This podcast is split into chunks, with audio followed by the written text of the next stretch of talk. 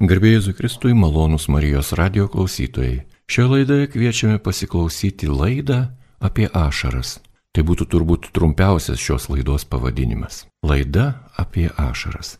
O iš kur jos atsiranda, kaip tos ašaros ateina į mūsų gyvenimą ir kaip su jomis elgtis mums šiandien maloniai sutiko pasidalinti savo išvalgą psichologas Julius Kvedarauskas.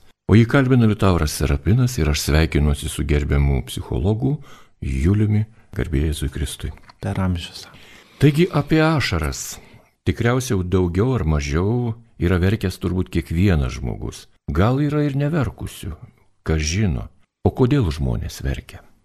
Dabar medicina yra taip viską iš, išaiškinus tos mechanizmus kiekvieno, kiekvienos mūsų reakcijos ir turbūt irgi galėtų, ašaras galima būtų labai e, paprastai sudėti kažkokių cheminių reakcijų, tam tikrą seką, bet visai kažkaip nesinori apie tai kalbėti, daugiau norėtųsi e, prie ašarų prieiti per tą gražų tokį pasakymą ašara kaip dovana, kaip e, dovana iš dangaus. Taigi, jeigu taip truputį poetiškai kalbant, kodėl žmonės verkia, e, turbūt todėl, kad gauna tą dovaną ir, ir taip sureaguoja.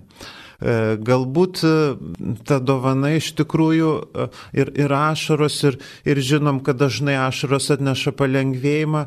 Galbūt ta dovana yra tokia net ir plačiaja prasme, kad mes priimtumėm tai, dėl ko verkiame kaip dovana. Ir tikrai dažnai, turbūt dažniau vis dėlto tos aš, ašaros pasirodo, kai kažkas skaudaus nutinka ir liūdno, nors turbūt kiekvienam yra tekę ir kažkokia iš džiaugsmo arba pamačius, išgyvenus kažką gražaus nubraukti kokią nors ašarą. Tačiau dažniausiai mes pravirkstame, turbūt, kai kažko netenkam, kai mums pasidaro, pasidaro liūdna, kai pradedam galvoti, kad to žmogaus. Nebūtinai, nebūtinai ta netektis turi būti tokia e, reali, e, artimo, tarkim, labai artimo žmogaus.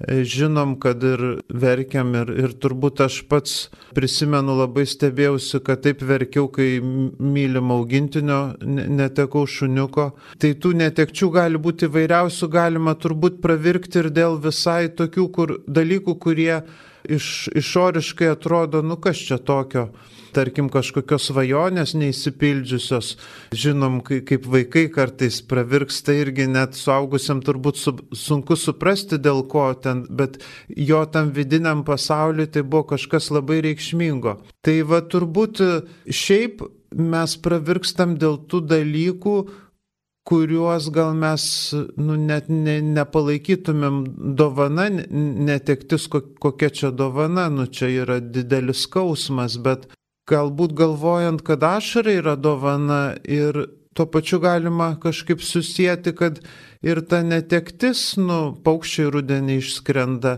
kad tai mum irgi yra dovana. Jeigu jie neišskristų, mes pavasarį jų nesulauktume. Tai turbūt ašara kaip dovana, jinai nebūtinai turi būti kažkokia maloni, nu dabar mes įpratę dovanos, tai turi būti tokios akropolį e, su, su, su kažka, kažkas saldaus, kažkas labai tokio gražiai supakuota, bet dovanos turbūt gali būti ir, ir tai, kada mums suskausta, tai ir, ir kai tie paukštukai išskrenda, ir ruduokai ateina, kažko netenkam, bet e, tai, tai turi būti mūsų gyvenime, nes jeigu to, to nebus, tai kiti dalykai neatsiras.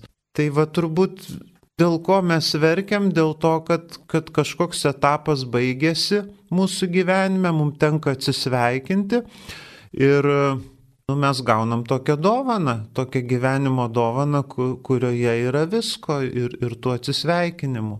Ir turbūt man toks labai gražus yra simbolis, ašara kaip vilties lašelis. Tai mes, kai atsisveikinam ir gaunam dar tokią dovaną vilties, kad mes, mes lauksim kažko, mes lauksim pavasario, mes turim jau kažkokią viziją, kad tie paukštukai vėl sugrįž. Mes turbūt, kai e, atsisveikinam su brangiu kažkokiu artimu žmogum, e, nu, tuo metu, aišku, dar negalvojam, kad sutiksim kažką kitą, bet turbūt irgi praeina daug metų ir, ir suprantam, kad jeigu tai nebūtų įvykę, aš nebūčiau sutikęs to ir ano, nebūčiau patyręs to ir ano kad tai yra ir viltis, tai yra kažkokia kryptis mum į ateitį, kad mes ne vien tik tai, na, žiūrėtumėm atgal, ko jau nebebu, kas buvo ir ko nebebus, bet e, pamatytumėm tų lašelių dėka, apsišvarinę, pamatytumėm, kas dar gražaus bus ir kas yra. O kas yra, tai aišku, mes tikrai visada turim gražius prisiminimus apie, apie tą, tai, ko netekome ir tai, tai yra mumise, tai nėra kažkur išmesta. Ir kartais tie prisiminimai gali būti gyvesni už tą patį žmogų. Ir taip turbūt nutinka kartais, kad išėję žmonės būna gyvesni Man teko daug su depresijom dirbti ligoniniai, tikrai būna, nu, žmogus tarytų miręs, tu jį kalbini, jisai nereaguoja. Tai tie išėję būna kartais gyvesni už gyvuosius, kurie, kurie, nu kaip, yra gyvi, bet jie yra, bet jų nėra. Tai turbūt tos ašaros irgi toks, toks yra ne tik dėl to, kas buvo, bet ir dėl to, kas bus. Jis toks mums pagalbininkas atveriantis vartus į priekį.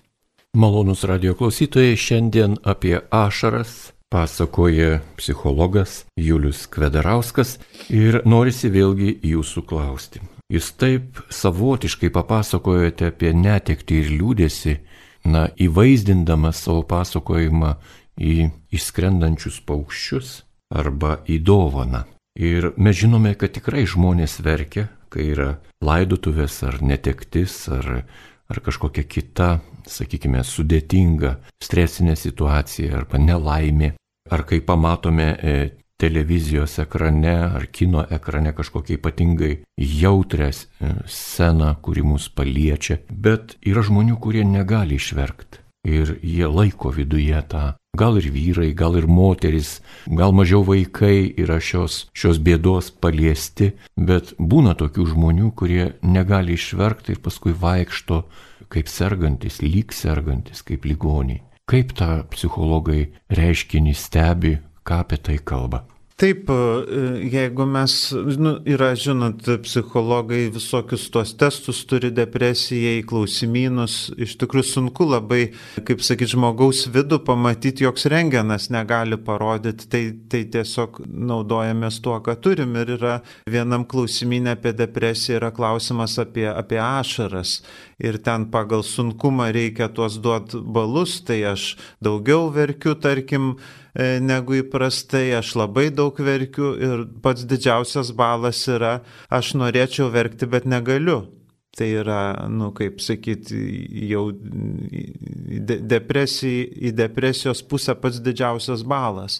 Tai e, sunku iš tikrųjų ir, ir žinom, kad būna, kad norėtų sverkti, bet, bet niekaip neišeina, nes nujaučiu, kad man tada palengvėtų, bet kažkas yra taip, taip užsiblokavę, už, užsispaudę. Ir, na, yra ten visokių tų, tų priemonių, kas, kas užsima psichoterapiją, žino kad kažkaip galima kartais ir paprovokuoti, kartais gražiai, kartais paprovokuoti žmogų, kažkaip pravirkdyti. Liaudį būdavo ten tie gėdotojai, ne, per, per laidotas, kurie būtent kaip ir, ir, ir tos giesmės skirtos, kad, kad žmogų pravirkdyti, kad jis, kad jis išsiverktų, nes tikrai būna labai sunku. Ir žinom, kad na, būna labai sunku todėl kad žmog, žmogus, ypač jeigu jau daug laiko būna praėję, jis tarytum tokį būna anesteziją, nu, ledą užsidėjęs, kad, kad neskaudėtų jam, nes iš tikrųjų yra dalykų, kurie, kurie labai mums skauda. Ir natūralu turbūt, kad jis vengia tų ašarų, nes tai ne tik, kad ten palengvėjimas, bet tu vėl prisiliesi prie to, kas tau skauda. Ir, nu, čia yra iš tikrųjų sudėtinga pravirkdyti žmogų, tai truputį kaip ir tokia operacija. Jeigu aš tikiu, esu tikras, kad, kad man tai pavyks, kad jis išsiverks ir jam palengvės, labai gerai, bet gali būti visai nutikti, kad žmogus prisilies prie to, kas jam labai skausminga ir gal jeigu tai nebus, nu žinot, kaip operacija, vis tiek turi būti kažkokia operacinė, tinkamos sąlygos, sterilu. Jeigu nebus tų sąlygų, jeigu jis e, atsivers, apsinuogins, Ir, bet ne, nesi, nepasijus, kad ta ašara buvo priimta, kad ta ašara buvo, nu, kaip tikrai e, tinkamu metu prie tinkamo žmogaus, arba gal kad jisai pats kažkaip dar nepasiruošęs tų ašarų priimti, tai nebūtinai jam nuo to palengvės. Ir, ir už tai nu, yra tikrai sudėtinga, tarkim, iš profesionalo pusės, kaip elgtis su žmogum, kuris nori verkti, bet negali. Ir man gal toks čia daugiau jau ateitų krikščioniškas požiūris. E, aišku, jisai gal toks radikalus yra labai, kad jeigu gali, e, norėdamas padėti žmogui, kuris negali verkti, tai, nu, gal pirmoji vietoj nestengtis jį pravirkdyti, bet pasakyti, nu, tu negali, tai aš galiu, aš už tave verksiu. Ir Ir to, tokią dovaną padovanoti žmogui, juolab, kad Biblijoje yra tų tikrai pavyzdžių ir, ir Jėzus pravirksta ir dėl e, Lozarios, ir dėl Jeruzalės. Pravirkti dėl kito, ne, ne dėl savęs, bet dėl kito. Pirmų numerių turbūt, nu, jeigu aišku, e, su, su, sugebi ir, ir, ir, ir gali už kitą pravirkti vietoj kito, kad jis negali verkti, bet aš, aš už tave, aš galiu verkti, aš e, nušluostysiu ašarą ir, ir, ir pajausiu, pabūsiu su tavim tokiu būdu. Tai manau, kad tikrai žmogui būtų nu, didelė dovana ir tokia, nu, tam tikra prasme, saugi dovana, nes, nu, kaip sakyt, mes tiesiogiai to netampysim, jo ne, neoperuosim ir, ir, ne, nepjausim ten, kur mes nežinom, ką rasim ir ar paskui užsiūsim, ar susitvarkysim, bet tiesiog savo, savo turimom priemonėm. Tai vad, nu, bet čia aišku, turbūt nėra lengva verkti už kitą, kai už save net e, kartais nepavyksta. Pačiam norėtus, bet nepavyksta. Tai, bet galbūt tokį, tokį tikslą, tokį, kaip sakyt, kryptį e, galėtume turėti, išlaikyti ryšį su žmogum, parodyti ryšį, kad aš gal, gal, galiu, aš norėčiau dėl tavęs verkti. Puikios mintys. Ir tęsime laidą, kurioje apie ašarą šiandien dalinasi, pasakoja psichologas Julius Kvedarauskas. Yra du tokie posakiai, kurie, na, turbūt žinomi kiekvienam klausytojui, kiekvienam brandesniam žmogui. Yra sakoma, jog vyrams verkti yra sunkiau negu moterims. Ir yra sakoma, kad moterų ašaros vyrams turi netikėtą poveikį ir dažnai moteris tuo pamanipuliuoja. Kodėl taip yra? Mano tėtė, kuris užaugęs e, kaime, pasakojo, kad tikrai e, kaime vyram rodyti jausmus.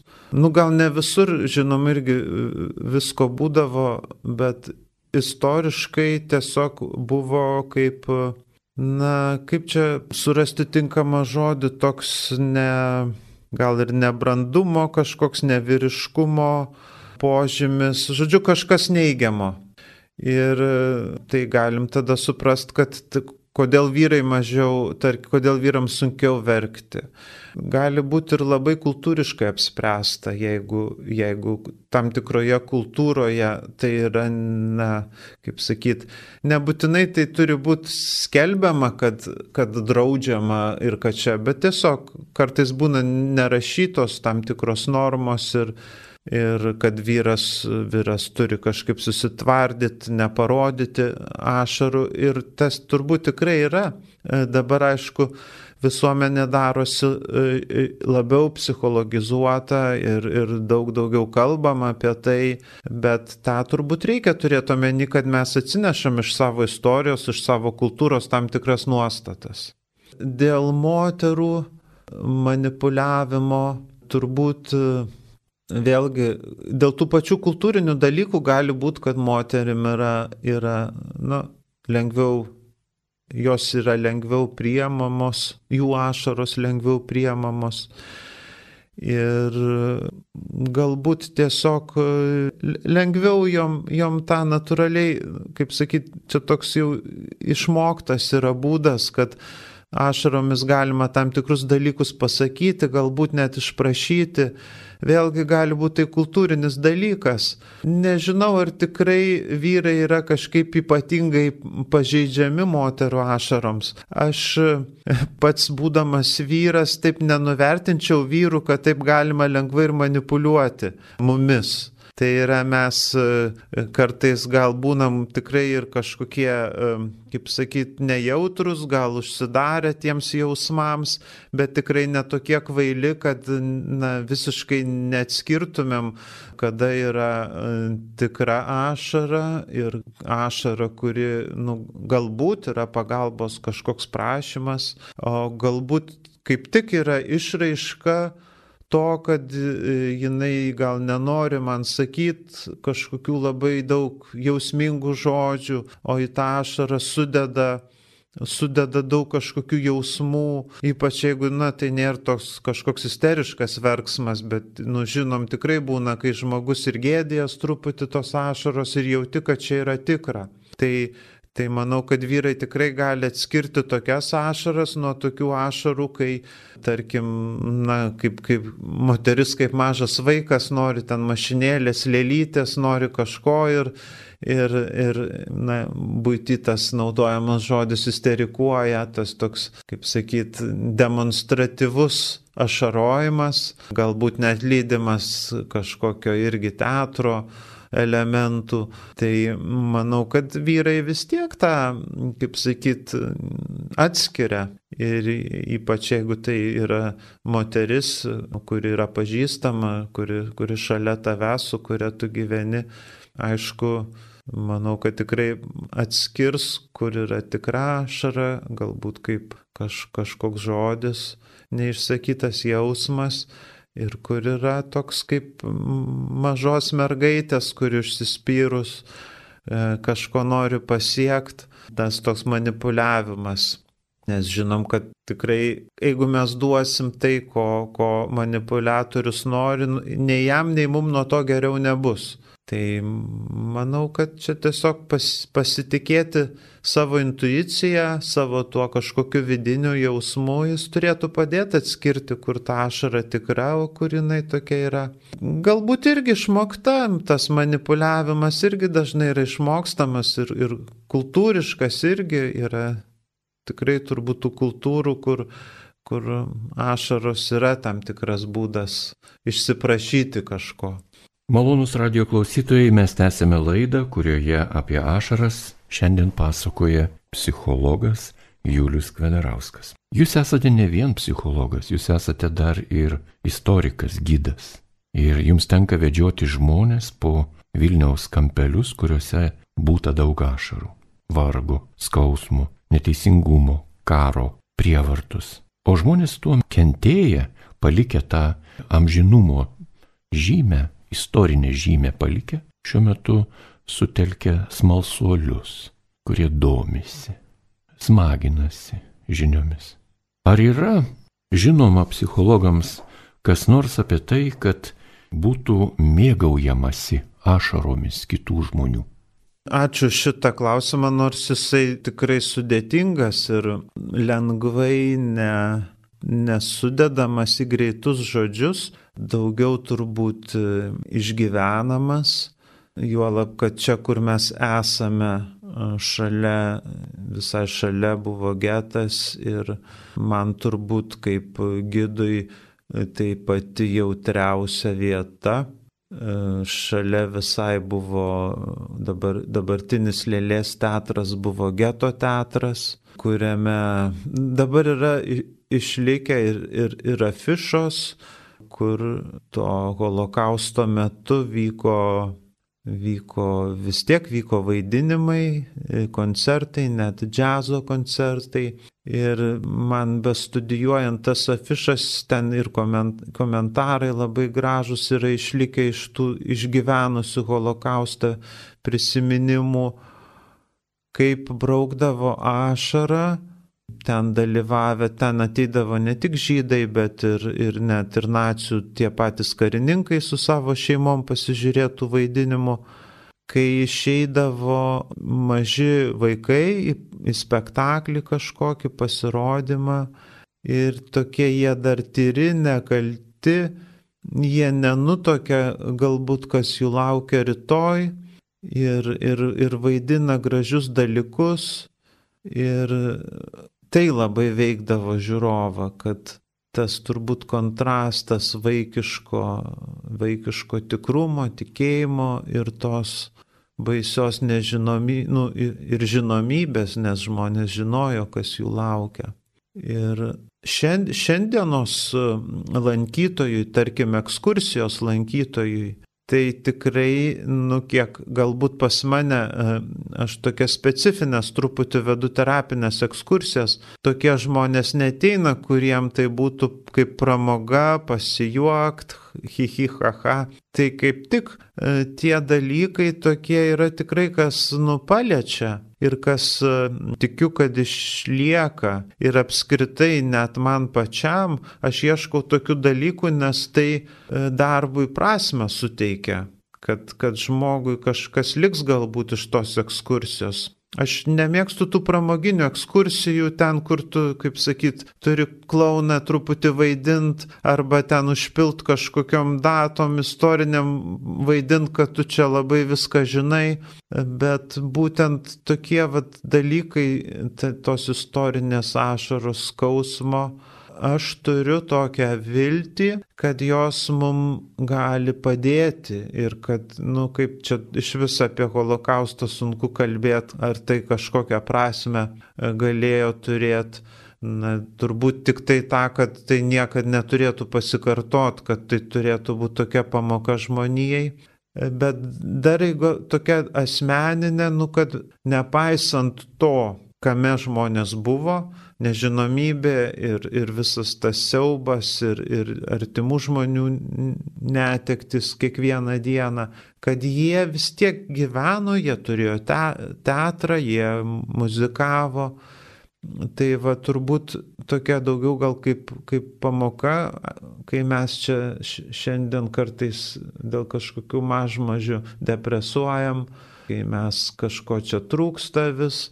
Aš tikrai prisimenu ir praeidamas čia pro tą teatrą, nu nėra nuotaikos, nu nueik kal kavos, nu antrą kavos, nu paskambink kažkam, kam gal nepadaru skambint, bet tau norisi paskambint, susitikit, nu pavėluok į darbą, nu būk, būk kaip sakyt, pakankamai bjaurus, bet džiaugis tą gyvenimo dovaną, kurią gavai, nes žmonės, kur tikrai galėjo jos rytoj netekti, jie kažkaip vis tiek sugebėjo džiaugtis. Tęsime laidą. Ašaros dažnai yra suprantamos ir kaip emocijų išraiškos forma. Ir kartais šalia mūsų verkia žmonės, kūkčioje, kokiais žodžiais ar gestais reikėtų suraminti tokį žmogų, paguosti, kuris verkia šalia. O gal kaip nors reikia kitaip elgtis, gal reikia leisti žmogui išsiverkti ir taip emocijas išpilti, o gal nereikia kreipti dėmesio, palikti žmogui tokią autonomiją. Jeigu taip labai paprastai, tai sakyčiau, nebijot prisiliesti prie savo reakcijų, kokios kyla būnant šalia to žmogaus. Nes natūraliai turbūt, kadangi tai ir skatina prisiliesti prie savo kažkokio skausmo ir noris tada tą žmogų kažkaip arba nuraminti greit, arba nuo jo tiesiog atsitraukti, kad, kad pačiam neskaudėtų ir išbūti e, dažniausiai būna sunkiausia išbūt net gal kartais atrodant kvailam, kad aš ten nesugebu kažkokio žodžio pasakyti ir kiek mano patirtis rodo, daugiau tam žmogui padeda, kai tu toks kvailas, nemokantis žodžio pasakyti šalia, negu tu ten kažkokiais labai poetiškais, gražiais žodžiais jį ramini. Net nežinau, ar tikrai e, apkabinti, turbūt kartais, kartais e, tam žmogui norisi, galbūt, kad tu jį apkabintum, ar kažkokiu žodžiu, ar fiziškai, net kartais tiesiog leisti savo būti pasimetusiam, tokiam uh, galvojančiam, jaučiančiam, o ką pasakyti, o kaip, o kaip, o kodėl. Gal tam žmogui iš tikrųjų svarbiau, kad tu toks natūralus pabūsi šalia jo.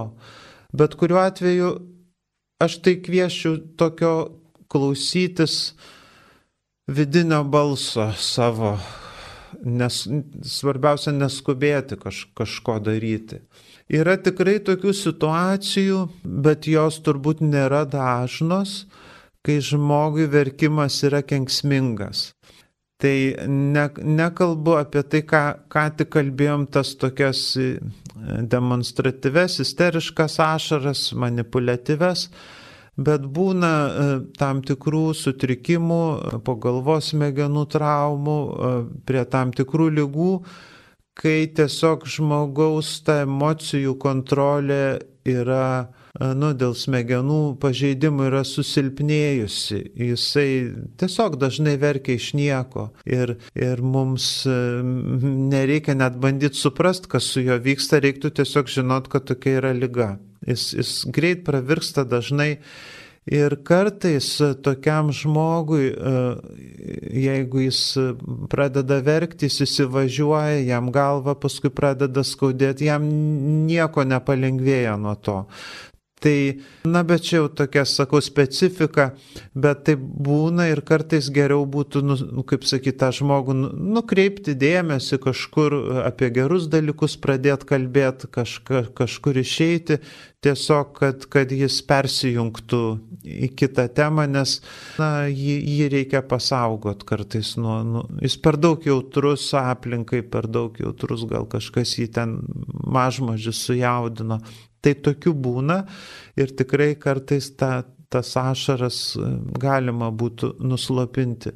Dar turbūt būna tokių atvejų, kai vėlgi žmogui, e, žmogus lik, lik norėtų verkti, lik pradeda verkti ir jisai gėdinasi. Ir aš nemanau, kad visą laiką reikia skatinti išsiverkti yra meniškų žmonių, jautrių žmonių, gėdos jausmas irgi labai geras jausmas, ko dėja dažnai jau e, nebetenkame mes. Galbūt e, ta, ta gėda e, ir tas kažkoks slopinimas žmogui irgi reikalingas, jis susikaups tos ašaros, jis paskui nupieš kažką labai gražaus tos jausmus ar, ar sukurs kažkokią muziką. Užtvankos kartais statomos upėse ir galbūt visai užtvenkti nereikia, bet jos kaupia energiją, kai kažkas užtvenkia mūsų jausmus. Ir tai irgi gali būti gerai, galbūt paskui ta energija gamins kažką kitą. Tai turbūt nereiktų skubėti ir labai skatinti žmonių verkti, išsiverkti, tiesiog jausti pagal situaciją ir išbūti. Tęsime laidą. Popiežius yra kartą sakęs, kad reikia pažadinti žmonės, kurie nemoka susigaudinti, regėdami kito žmogaus skausmą. Ką apie tai jūs manote? Popiežius Pranciškus yra dar pasakęs, kad yra prasmė verkti dėl padaryto blogio, dėl apleisto gėrio, dėl išduoto santykio su Dievu. Ką galime pasakyti apie tokią atgailos formą? Na, visada labai sunku popiežiaus žodžius, bet ačiū ir už šitą klausimą. Iššūkis, iššūkis tikrai kaž, kažkaip prisijungti prie popiežiaus žodžių. E, turbūt nebent labai paprastai, kažkaip gyvenimiškai, kad na, popiežius mums nurodo krypti jo žodžiai, vertybinę kryptį, kur link mums reiktų eiti o kita vertus, na, tas idealas, ta kryptis, kalnas galbūt, į kurį reikia kopti, mes galim uh, matyti, jausti, kad jis labai toli ir mums nepasiekiamas. Ir tai galbūt irgi yra normalu. Tai ką aš noriu pasakyti, kad, na, tikrai turbūt nėra lengva uh, kažkaip padėti pravirkti žmogui, kuris e, neverkia matydamas kito skausmą. Kažkaip e, galbūt kartais paprovokuot, galbūt tiesiog kartais sušildyt tą, tą jo ledą, kad jis biški pradėtų tirpti. Turbūt todėl sunku, kad nu, ir, ir mums patiems baisu nežinai, kokios reakcijos sulauksi, kai tas ledas tirps ir kai jam pradės skaudėti gali būti, kad galbūt su ašaram gausi į nosį. Ir, ir mes turbūt natūraliai saugo, saugomės ir, ir, ir neprovokuojame. Ir kiek e, man teko dirbti su, su, su psichoterapijoje, su toks gydytojas Alekseičikas yra, jis toks galbūt e, iš man iš vis gyvenime sutiktų žmonių, labiausiai tuo, tuo užsimdavo, jeigu taip galima pasakyti, kažkaip mokyti žmogų jautrumo.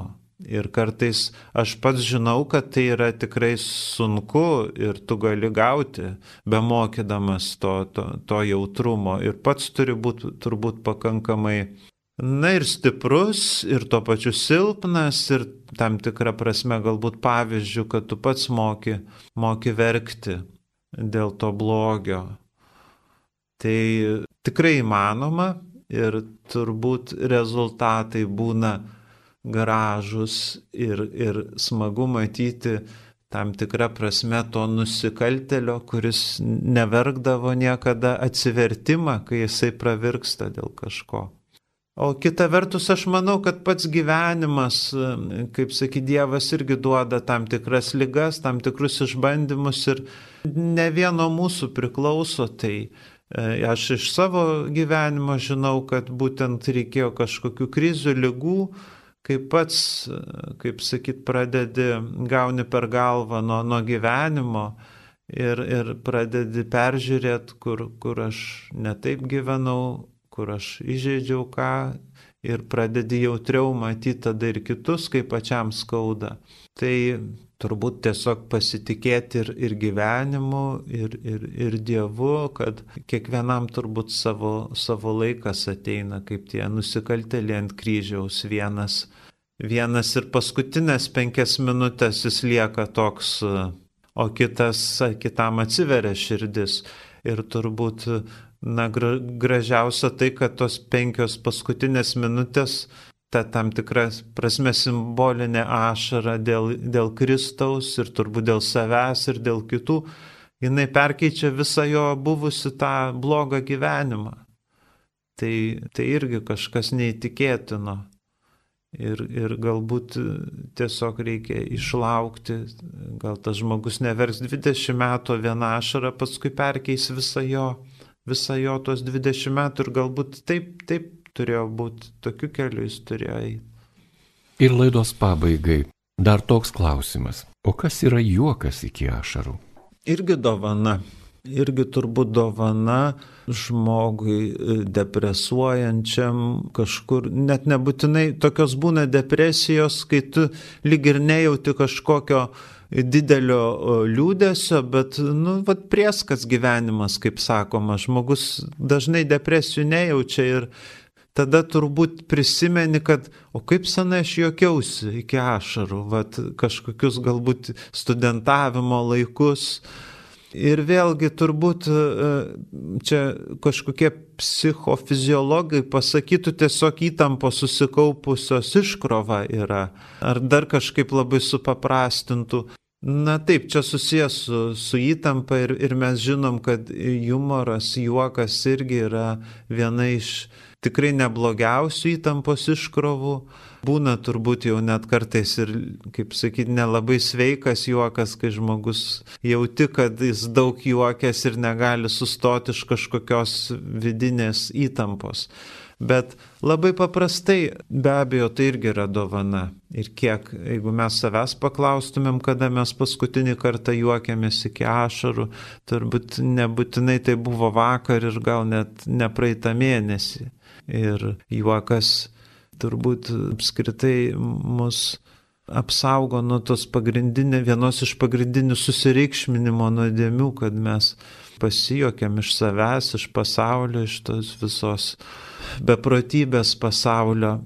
Ir, o kodėlgi ne, jeigu mums duota tokia juoko, juoko dovina, juoko terapijos galimybė, tai manau, kad yra viena iš geriausių terapi, terapijos formų, o jeigu dar jinai iki ašarų, to pačiu ir, ir gauni dvi dovanas viename.